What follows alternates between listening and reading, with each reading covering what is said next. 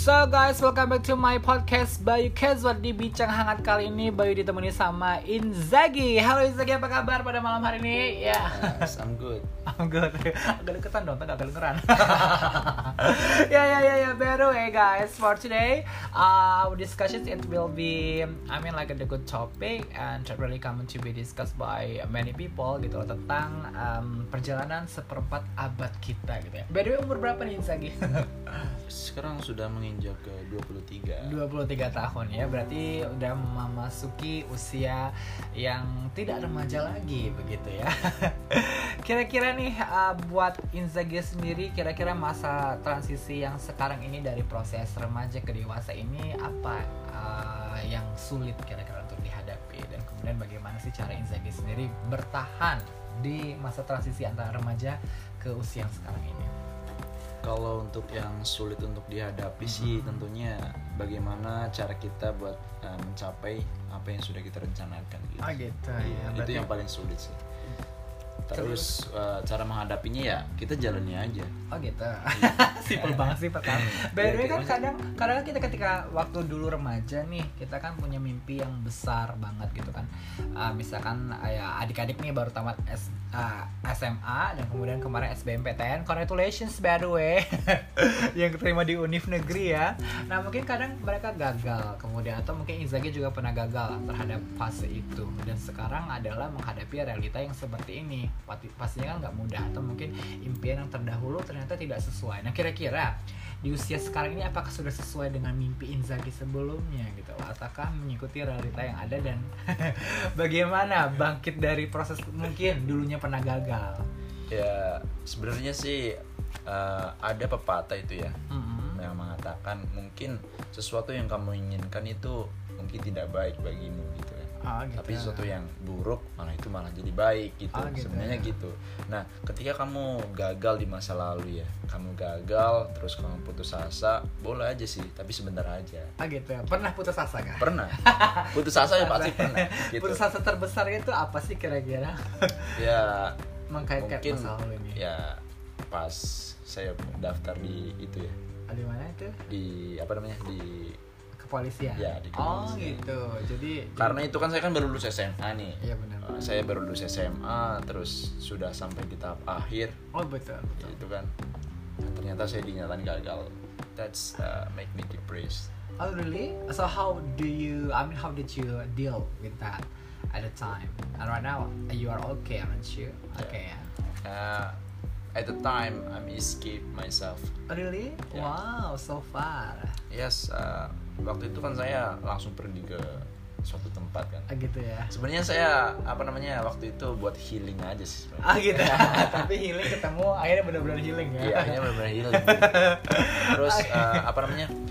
Percaya aja sih, percaya proses gitu kan. Kalau misalnya kita nggak nggak gagal, kita nggak bakal dewasa sih. Ah, benar ya. Berarti sekarang sudah oke, sudah dewasa lah ya.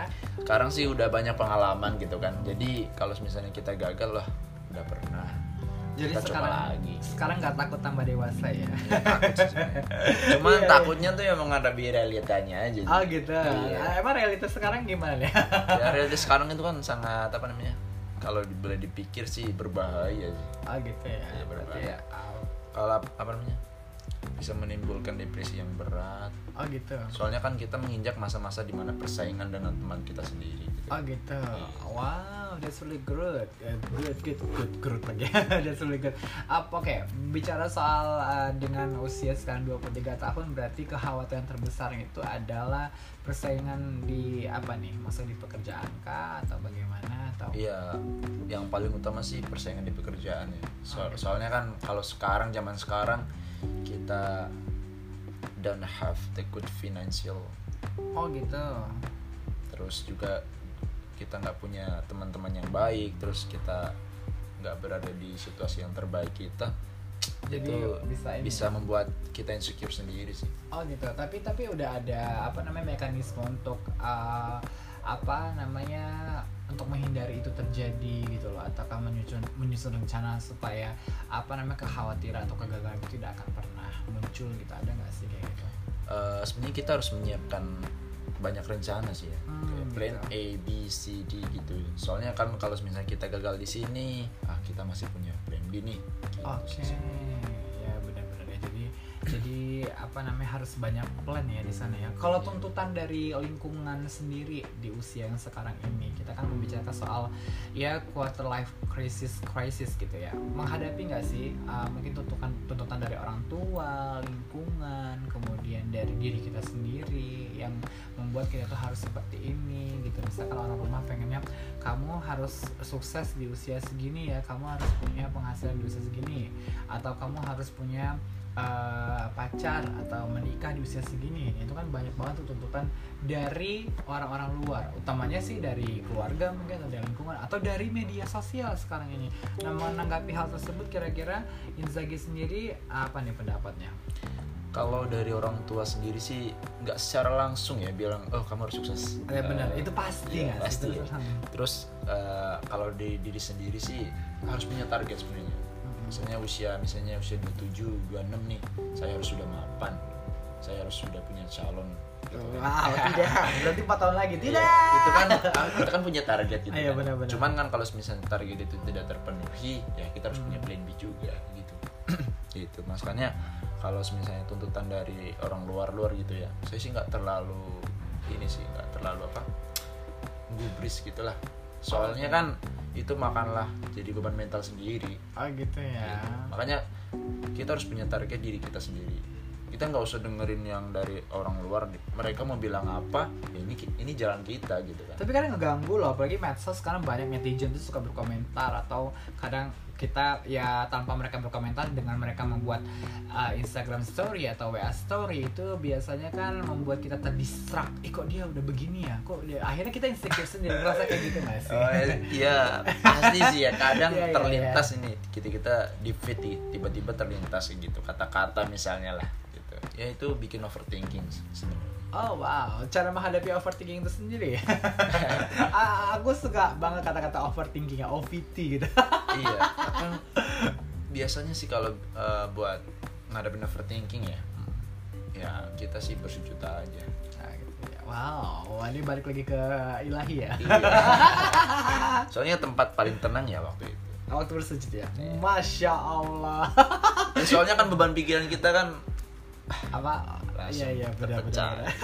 Dan sekarang aku mau kasih nih ciri-ciri mungkin kita itu mengalami fase quarter life crisis atau enggak gitu ya. Yang pertama eh, ragu dengan kemampuan diri kita sendiri gitu. Kira-kira Inzaghi sendiri ragu nggak sih dengan kemampuan diri sendiri nih?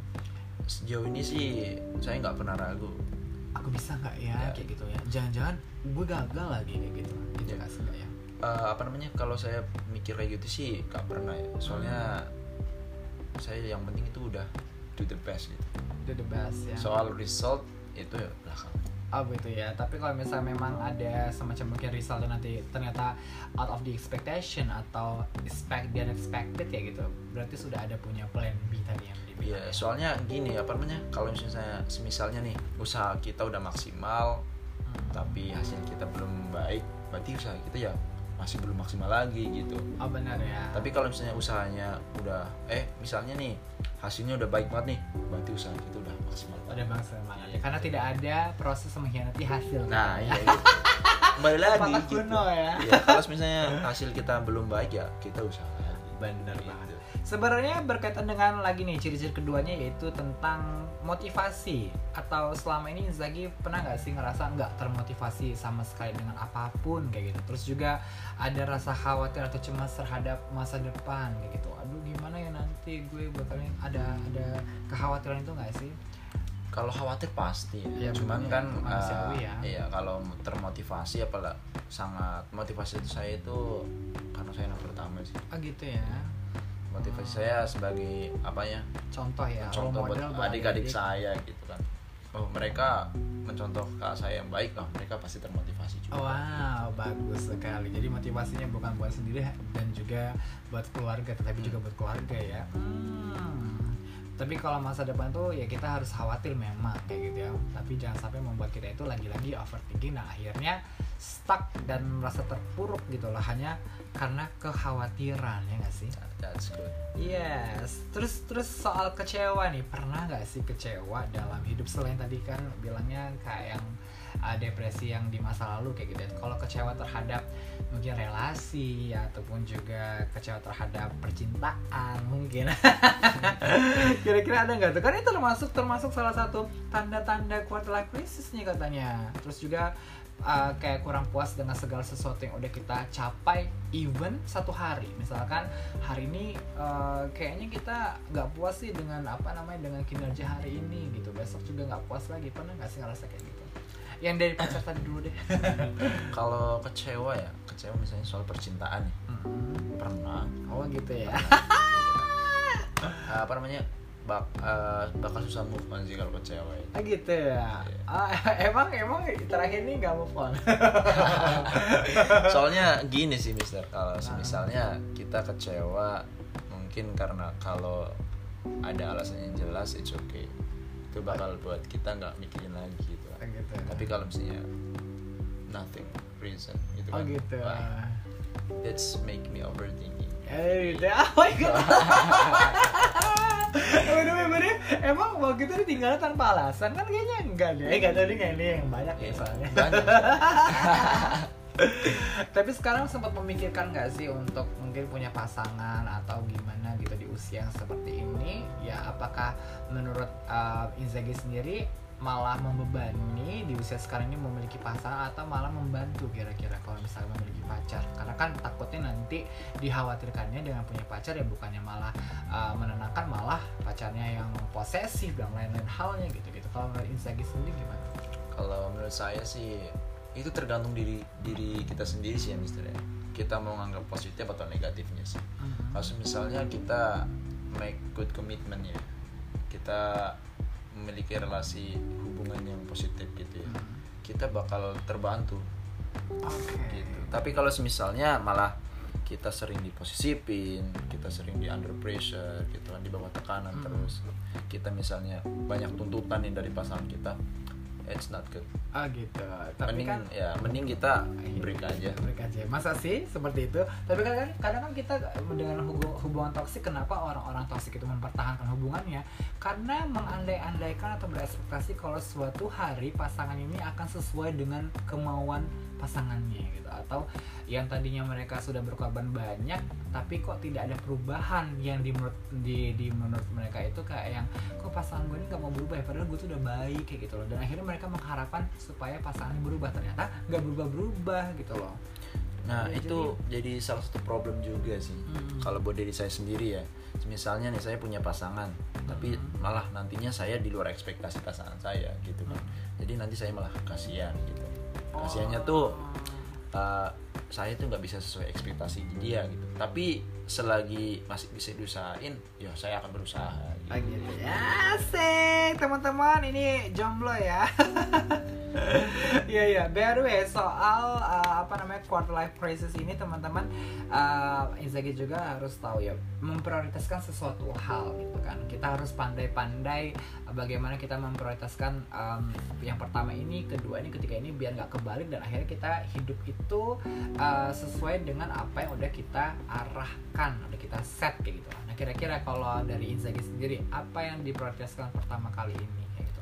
Apakah ya banyak ya uh, mungkin keluarga atau teman dulu atau sebagainya gitu-gitu. kalau keluarga sih itu pasti ya cuman kalau buat sekarang itu karir dulu sih Oh karir dulu ya. soalnya kan itu buat masa depan saya sendiri gitu Oh gitu, jadi udah kepikiran karir nanti Iya. mau ke mana mau ke mananya kayak gitu ya. Oke, good. Baru setelah karir, baru keluarga, baru teman dan sebagainya kayak gitu atau gimana?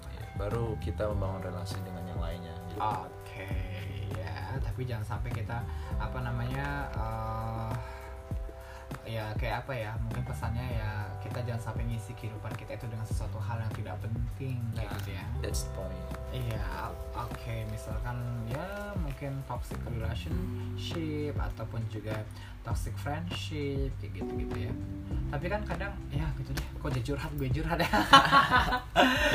ya ya ya ya that's really great by the way. Ya, teman-teman um, satu hal deh um, buat Inzaghi sendiri kira-kira yang memang harus kita patenkan untuk menghadapi usia yang 25 tahun ya dari 23 ke 25 tahun ini pasti bakal banyak lagi semacam tuntutan dari mana-mana yang tadi udah dijelaskan juga. Kira-kira kiat-kiat untuk tetap enjoy dalam kehidupan ini meskipun masalah banyak yang masuk gitu kira-kira apa sih di Inzaghi sendiri ngeliat-ngeliatnya Inzaghi sendiri kan sikapnya tenang gitu kan bawaannya dan sebagainya Gini sih, apa namanya? Kalau dari diri saya sendiri ya, Hmm. eh, jangan terlalu menerima banyak masukan.